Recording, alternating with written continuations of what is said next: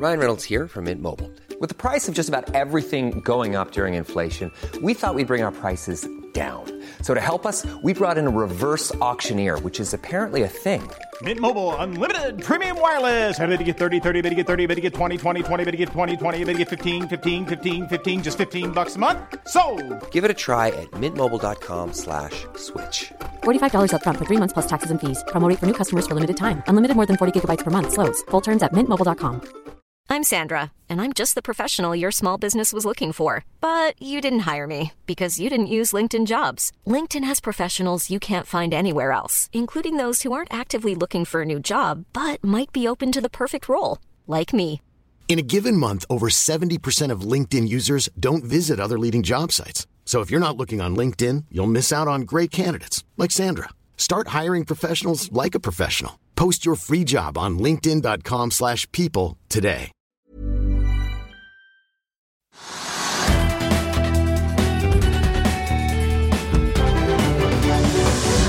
En riktig god mandag alle sammen, og velkommen til Økonominyhetene. Mitt navn er Marius Lorentzen, og kalenderen viser 20. november på en dag der oljeprisen fortsetter oppover etter å ha vendt opp på 80-tallet så vidt før helgen. Der halve verden får vi si, følger med på eh, maktkampen innen kunstig intelligens. Gründeren og sjefen i et av de mest omtalte AI-selskapene blir sagt opp fredag, før han altså lander jobb hos storeier Microsoft natt til mandag.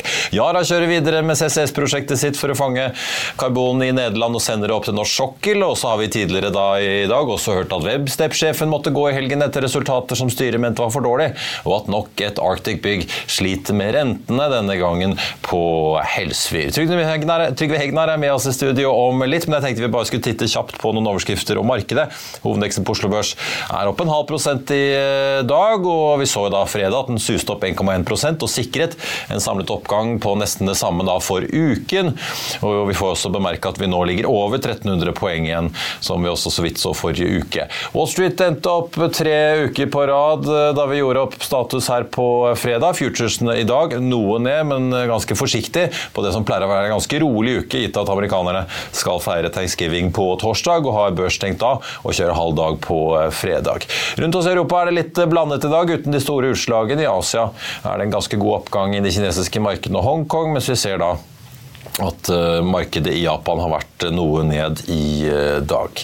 Webstep-aksjen som jeg nevnte ned et par prosent etter at sjefen også ble kastet. Volue ligger ned 2,5% omtrent etter at dette selskapet under Arendal Fosse-paraplyen varslet i helgen at de kutter guidingen sin etter at de altså tapte i en voldgiftsak mot en kunde der. Det ble stang inn for Widerøe etter forrige ukes dårlige nyheter, i hvert fall for deres del, om at Konkurransetilsynet ikke gir dem grønt lys inntil videre for å bli kjøpt opp av Norwegian. I dag kom meldingen fra Samferdselsdepartementet om at Widerøe får alle de 18 subsidierte FOT-rutene som de har lagt inn bud på. Widerøe var jo også da eneste tilbyder, får vi jo si. På de resterende seks ruteområdene så var det to eller flere tilbydere, og der ble altså kontraktene tildelt danske DAT, Lufttransport og også da Widerøe, med effekt fra 2. oktober i år. Disse rutene som ble tildelt i dag, gjelder fra 1. april 2024, og totalt sett så skal Samferdselsdepartementet, altså staten, betale ut nesten 2,4 milliarder kroner i perioden som disse kontraktene gjelder for. Yaras eh, prosjekt med karbonfangst ruller videre. De melder nå, får vi si, at eh, på samme måte som konkurrenten CF Industries gjør i USA, at eh, de fra rundt 2025 og utover skal fange CO2 ved et av anleggene sine. Det er da Sluiskill i Nederland det er snakk om, som Yara har lansert også tidligere. De skal fange 800 000 tonn i år som et ledd i ammoniakkproduksjonen der nede og sende CO2-en opp til lagringsprosjektet Northern Lights på norsk sokkel. og Investeringen er på rundt 2,4 milliarder kroner. Og så må jeg nevne dramatikken i AI-verdenen da, som har rystet både Silicon Valley og Wall Street gjennom helgen. For Først fikk gründer og sjef i OpenAI Sam Altman fyken av styret sent fredag fordi han ifølge styret ikke hadde vært helt åpen og ærlig med dem, uten at de spesifiserte noe mer rundt det. Så kom det rapporter i media i løpet av helgen om at, de ble, at det da ble jobbet med å få han tilbake igjen, inkludert fra øverste hold i Microsoft, som jo eier 49% av OpenAI. Konsernsjef Satya Nadella skal selv ha vært involvert og i dialog med Altman, som jo driver selskapet som er helt sentralt for Microsoft hvis de skal klare å rulle ut alle disse AI-baserte tjenestene som er under lansering for tiden, inkludert den nye co-piloten til Office. Sam Altman la ut et bilde av seg selv på besøk eh, som gjest får vi si, på kontoret sitt i helgen, men han kom seg ikke tilbake i sjefsstolen.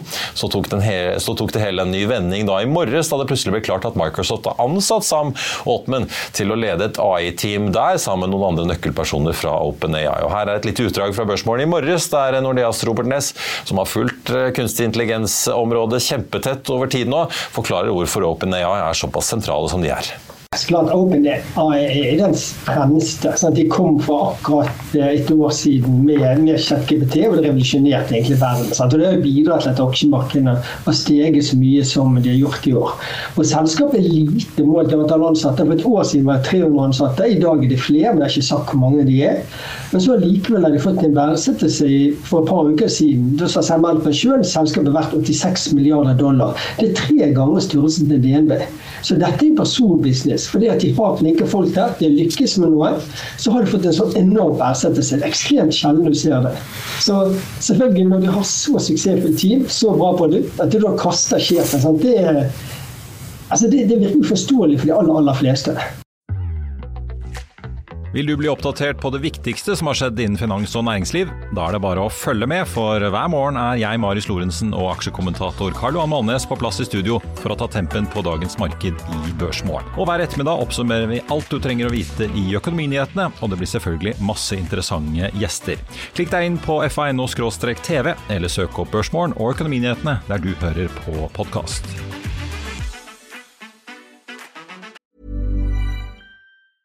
I'm Sandra, and I'm just the professional your small business was looking for. But you didn't hire me because you didn't use LinkedIn jobs. LinkedIn has professionals you can't find anywhere else, including those who aren't actively looking for a new job but might be open to the perfect role, like me. In a given month, over 70% of LinkedIn users don't visit other leading job sites. So if you're not looking on LinkedIn, you'll miss out on great candidates like Sandra. Start hiring professionals like a professional. Post your free job on linkedin.com/people today. I'll see you in court. Vi sier det ofte litt på spøk, men for deg som driver business, er det aldri moro å innse at du ikke har laget en 100% gyldig kontrakt. Du bør ikke risikere hele firmaet ditt fordi du synes dette med kontrakter er litt stress. En avtale er ikke en avtale. Du kan miste kunder, miste venner, ja, til og med miste inntekter om du ikke lager en skikkelig kontrakt, på alt mulig, egentlig. Men vi vet det er et styr kopimaskiner, tregprinter og haugevis av papir. Dessuten stoler vi jo på folk her i landet. Det er ofte litt kleint å skulle be om en signatur for alt mulig, ja, for mye av styret handler også om jakten på underskriften. Det finnes en enkel måte å løse dette på, Dukkobit, en trygg, effektiv og get this, gratis måte å sikre seg en god natts søvn pluss en juridisk bindende avtale. Dukkobit-appen har de strengeste sikkerhetskrav i bunn, samt en EU-godkjent og sertifisert teknologi. Framover vil det bli behagelig å spørre du, skal vi skrive under på det, eller? Kom i gang på dukkobit.no. Da skal jeg si velkommen til uh, Trygve. Jeg vet ikke om du har uh, investert noe i AI? Nei, ikke. Holder deg unna? Du tenker på investeringsselskaper eller folk her på huset? ja, ikke sant? Jeg tror ikke, jeg tror ikke vi er eksperter. Vi har noen som kan noe, da. Ja. Se hva vi gjør etter hvert. Hva med Acastor? da? Jeg ser Acastor opp 5 i dag. Erling Braut Haaland, som vi skrev om i helgen, har jo kjøpt opp aksjer i dette Aker-selskapet. De begynner å få litt penger etter hvert, disse idrettsstjernene. De, de må jo sette de et sted. Ja, de har masse penger, men jeg tror ikke han har valgt ut det selskapet selv. Nei. Han har en god rådgiver som sier 'kjøp det, lille gutten min', og så kjøper han litt. Så peker han i riktig retning. Ja. Skal vi snakke litt om oljeprisen, apropos Aker-systemet. På full fart opp igjen. Nå ligger vi på 82,30 i spotmarkedet for nordsjøoljen. Altså, nå er det jo veldig spennende da, og veldig skummelt og vanskelig, fordi altså, oljeprisen er da 82 dollar per fat nå. Det er ikke mer enn en uke siden tror jeg den var nede i 75 eller sånn nå. Det er ganske dramatisk sprang da, fra 75-76 til 82. Og så er det spørsmålet liksom, hvilken vei skal det gå. Og De tunge oljeselskapene er jo opp liksom 1 eller 2% fordi man tror da at oljeprisen vil holde seg på en måte det øvre sjiktet og ligge der oppe. Og, og, og det, det, begrunner man da veldig enkelt med, vi har snakket om det 100 ganger, det begrunner man med at etterspørselen etter olje vil være stor. Den er sterk fortsatt. Det er ikke noe svikt i oljeetterspørselen. Og da er spørsmålet liksom, hva skjer med tilbudssiden? Og det, det som er litt, litt skummelt, vanskelig å forutse hva som kommer til å skje, det er det at OPEC-landene har sagt at de liker ikke situasjonen. De liker ikke at oljeprisen faller så mye som det er på 70-tallet. Så de vil holde opp prisen på 80-90 dollar per fat. Og for å få til det, så må de kutte produksjonen. Og det har visse konsekvenser. For å kutte produksjonen så vil det på en måte da, det blir mindre olje i markedet. Eh, men prisene kan gå opp, som da de forsøker å få til. Og hvis prisen går veldig mye opp, så får det konsekvenser for tankfarten. Så liksom det henger sammen. Det, det, som kan være et veldig bra selskap i Norge, nemlig Frontline, vil ikke være så bra hvis da plutselig når OPEC skulle kutte, eller, altså, kutte produksjonen veldig mye for å få prisen veldig opp. da. Ja. Går prisen veldig opp, så går etterspørselen ned. Da er det mindre behov for tankskip. Det så vi i 70-årene, det så vi i 80-årene, og det vil gjenta seg igjen. Men da snakker vi om litt kanskje større sprang. ikke sant? At Hvis OPEC kutter 1-2-3 millioner fat til, til, til, til de har kuttet allerede, så vil det sannsynligvis føre til at du får da mindre etterspørsel og mindre behov for tanktonnasje. Ja, så, nå er jo alle for tanktonnasje. Alle mener at Frontline vil gå til himmels. Carnegie tok opp dekning i dag. Jeg skal bare smugtitte på tallet, jeg har det helt presist. Kursmål 300 den endte jo 2,37 her på øh, fredag. Ja, så Frontline er et godt selskap. Da ser man en god oppside i Frontline fortsatt? altså? Ja, altså, de, altså, Det har gått 140% i år, da, så det er en kjempeoppgang i år. Eh, og går ett år tilbake, så er det også over 100 opp. Og, så har de en tøff, hard eier i Frontline, nei, Jon Fredriksen. og han vet, er veldig opptatt av utbytte. utbytte. Han samler penger her og der. Taper litt her og der, men han samler mest inn. Og legger en stor kasse et eller annet sted på Malta i London, hvor han sparer til nye kjøp.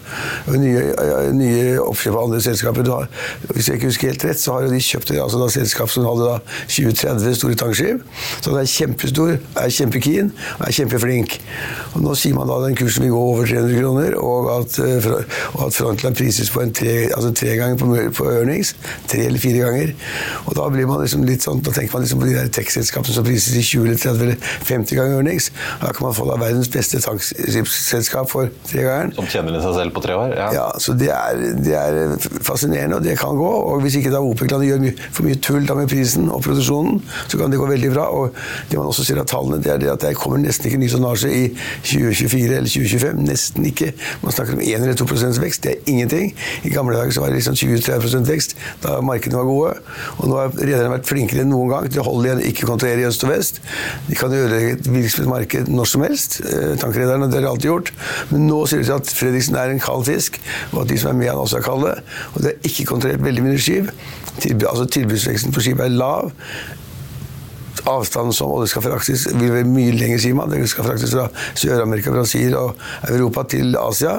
Og det er i Asia den store etterspørselen er. slik at markedet ligger vel til rette for at Frontline skal bli en kanon i 2024 og 2025. Jeg så jo, ja, jeg så jo en del analytikere har skrudd opp estimatene sine på Hafnia og produkttankrederiet, som jo ja. Litt i den samme sfæren, at ting må fraktes lenger pga.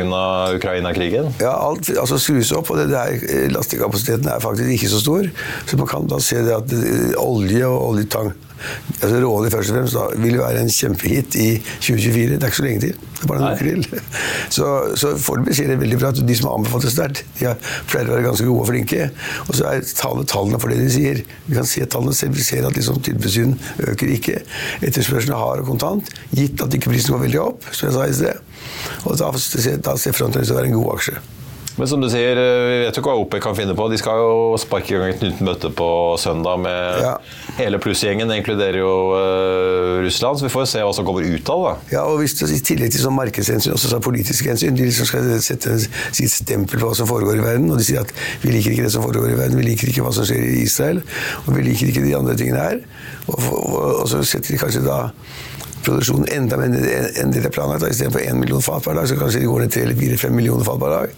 Og da begynner det å spøke for etterspørselssiden igjen. så det selv om det ser ut som markedet nå tåler lett en pris på 82 dollar på fat, så er det ikke sikkert at markedet tåler lett en 92 eller 95, som noen sier at OPEC da trakter etter. Så jeg tror det går ganske bra. Jeg tror OPEC ikke blir helt billig, for da får vi et sammenbrudd i oljemarkedet igjen. Og da får vi også et sammenbrudd i tankmarkedet. Men det er kanskje en joker etter angrepet på Israel i starten av oktober og motreaksjonen som har kommet, så er jo stemningen relativt betent i Midtøsten eh, om dagen mellom israelerne og den arabiske verden? Ja, og er, altså, Jeg har ikke fulgt med hva som har skjedd de siste timene, men det er jo et gasskip som er, som er liksom øh, Hva heter det for noe? altså da Tatt av noen sånne opprørere fra Jemen.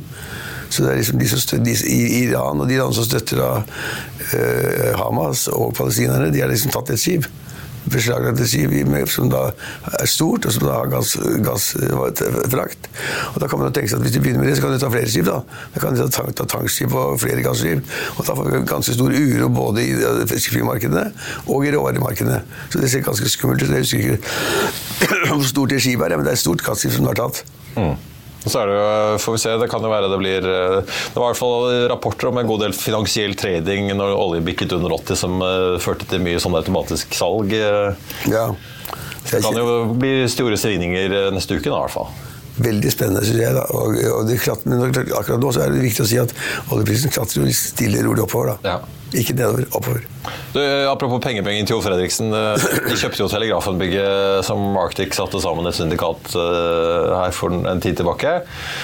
Og nå er det nytt problemer oppe på Helsøy. Tror du Fredriksen kjøper mer eiendom eh, i Norge nå fremover, eller med Ja, det- en svak krone? Nei, jeg tror han kommer til å kjøpe mer, det er jeg nesten sikker på. Jeg har liksom hatt noen døtre blitt enige om at de må Unnskyld min stemme, de må ut av det skumle tank og alt som har med shipping å gjøre, og kjøpe mer fast eiendom til rimelig pris i Norge, hvor de kan få en rimelig god fast avkastning. Og da er det slik at flere av de prosjektene som har vært blant blant gjennom Arctic, da systemet, de, de må nå refinansieres. Og da må de, de, gamle, de som har satt inn egenkapitalen, de får til en kjempesmell. Taper alt eller nesten alt. Og så kommer nye folk inn, det kan være de gamle aksjonærene også, med den nye egenkapital. Og så må de, kjøpe, må de gå i markedet og lete etter nye eh, tilbydere av obligasjonslån. Og rentene er høyere enn det var før, og eh, man får ikke lånt like lett som man får før. Og de som da satte penger opprinnelig, aner ikke hvorfor de gjorde hvorfor folk de løp rundt byen rundt og kjøpte eiendom som da ble satt, satt i markedet av Arkis. Jeg fatter det bare ikke. Det var kjempefint av Arkis, jeg har tjent en milliard eller hva det måtte være. Det er helt, helt vilt. Men det kommer mer ting på i markedet, og nå er jo da den bygningen, bygningen som du snakker om nå, den er jo refinansiert. da. Så de gamle Ja, de fikk jo inn 125 lån. ja, ja, men det måtte de gjøre, så hadde de tapt alt. Og så skaffer da nye långivere, nye obligasjonseiere, og så tar de en fet fi, for det. Vinneren er Arctic.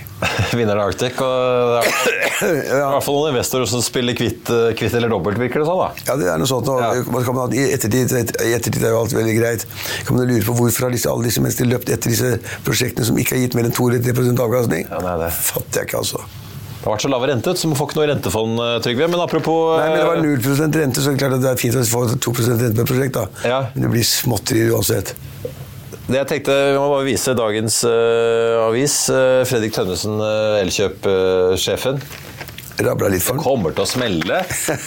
Han har jo kuttet, altså økt prisene med 10% siden i fjor. Kuttet staben med 10 Jeg har vært en av de aktørene som virkelig har merket oppbremsingen i varehandelen eh, ordentlig. Men han etterlyser jo eh, politikerne her. Mener at det er en øredøvende taushet om kronefallet fra politisk eh, hold. Og ikke bare fra dagens regjering, fra posisjonen også. også. Altså, Marius, er- Har han et poeng? Nei, ikke i det hele tatt. Jeg syns det rabla litt for han. Det går liksom litt over styr. Altså, hans problem er, som alle andre vet, og det vet vi alle sammen, er at han liksom selger varene i kroner i det norske markedet, og så kjøper han inn i euro. Og det er klart Med den kronesveksten jeg har sett, i det siste, så blir det veldig kostbart. Han mister masse marginer. Men, og det er liksom det, Man kan jo si det, det er trist at de liksom driver og, selger i kroner og, kjø, og kjøper i dollar og euro, men sånn er situasjonen. og Det kunne man kanskje kompensert litt med terminkontrakter. Det har han ikke gjort, åpenbart. Eller ikke nok. Og så sier han at politikere skal redde han. At politikerne må ha en debatt om liksom kronekursen, og Norges Bank springer over hva Norges Bank mener, eller andre, eller Finansdepartementet mener. Men det var politikerne som skal på banen for å diskutere da om kronekursen har blitt for lav. Da skjønner de ingenting av sammenlignet. Altså, vi har, Marius, i Finansavisen to eller tre artikler om makro og finansiering. og valutakurser hver dag. Og dette er et marked, og vi, alle som jobber i Norge, vet at uh, Norges Bank styrer etter et inflasjonsmål. De skal ha inflasjonen ned på 2% og de øker renten inntil de får, får til det. Alt foregår om inflasjonsmålet. Fins ikke noen politikerdebatt på Stortinget om hva kronekursen skal være. Det er bare surr. Må rabla rabla litt for dem og si det som det er. Men han har vel et poeng med at mye av prisveksten blir importert? altså kronen, Euroen har blitt et par kroner dyrere siden i fjor. Og... Importerer noe, men det er jo Det er ikke noe synd på Elkjøp, men altså, Nei, poenget masse- er at det det blir masse- jo eh, vi, får, vi får en ekstra inflasjon og kronen i tillegg på, Ja, ja, ja, på et år, da. ja da, men så blir også eksportindustrien den blir sterkere og bedre og selger mer enn den skulle gjort. Så det er mange faktorer som påvirker kursen. og Det er liksom rentedifferansene, det er oljeprisen, det er masse rart. Og det er også et element av import, importert inflasjon. ved at Da kronekursen at det blir dyrere å importere varer. Men det er bare en del av det store bildet. så det er Å rope på politikerne for å ordne opp i valutakursen fordi at han ikke har orden på sine, sine regnestykker, det går bare ikke. Et fint oppslag i Finansavisen, men bare surr. Ja. Harald Ja, Magnus Andreassen i, i Sparebanken Markets uh, mener at dette må de bare tåle. Det sentralbankene vil. De vil at vi skal shoppe mindre i varehandelen og ting skal kjøles ned. For eksempel, altså, veldig godt poeng. Det er, et, det er et godt poeng. Selv om det er brutalt, da, så er det jo det de egentlig Dette har vært et villet poli- villet policy på å få aktiviteten i norsk økonomi som helhet ned. Altså Kjøpe mindre og spare mer, og ikke bruke så mye penger. Og Da er det jo liksom litt rart at en, en av lederne i de store, store liksom handelshusene sier at nå må politikerne komme og redde oss, dette går bare ikke lenger. Hva? Så får vi se, da. Om, eh, det politikerne kan gjøre for å hjelpe, er vel å bruke litt mindre penger selv, så bidrar de litt til nedkjølingen. Ja, kanskje, men altså, det, det er jo vanskelig å måle, da. Ja. Vi får eh, se. Takk skal du ha, Trygve. På tapet av sendingen så tenkte jeg bare å nevne at hovedindeksen nå fortsatt ligger oppe 0,6 prosent til 1304, så det ser ut som vi lander her for eh, dagen. Oljeprisen altså på 82,40, opp litt over 2 faktisk, mens eh, da mange går og venter på OPEC-møtet som starter på søndag. I Finansavisen i morgen så kan du lese Trygves leder om at det blir mindre moro for svina. Det blir børsintervju med Pareto-analytiker Dan Aksjuti om muligheter innen biotek, og du kan lese om at Danske Bank venter seg en enda svakere krone fremover, og du kan lese da hvordan de egentlig tenker der inne i BV Energy etter alt prat om guidingen deres etter det store kursfallet. Det var det vi hadde for deg her i dag. Kollega Benedikte Storm Anvik er på plass med Børsmorgen her i morgen tidlig 08.55. Da får hun besøk av en forvalter fra Carnegie Fonder i Stockholm. Mitt navn er Marius Lorentzen. Jeg er tilbake nær med Økonominyhetene 14.30. I mellomtiden så får du som alltid siste nytt på FA.no. Tusen takk for at du så eller hørte på, og så håper jeg vi ses igjen i morgen.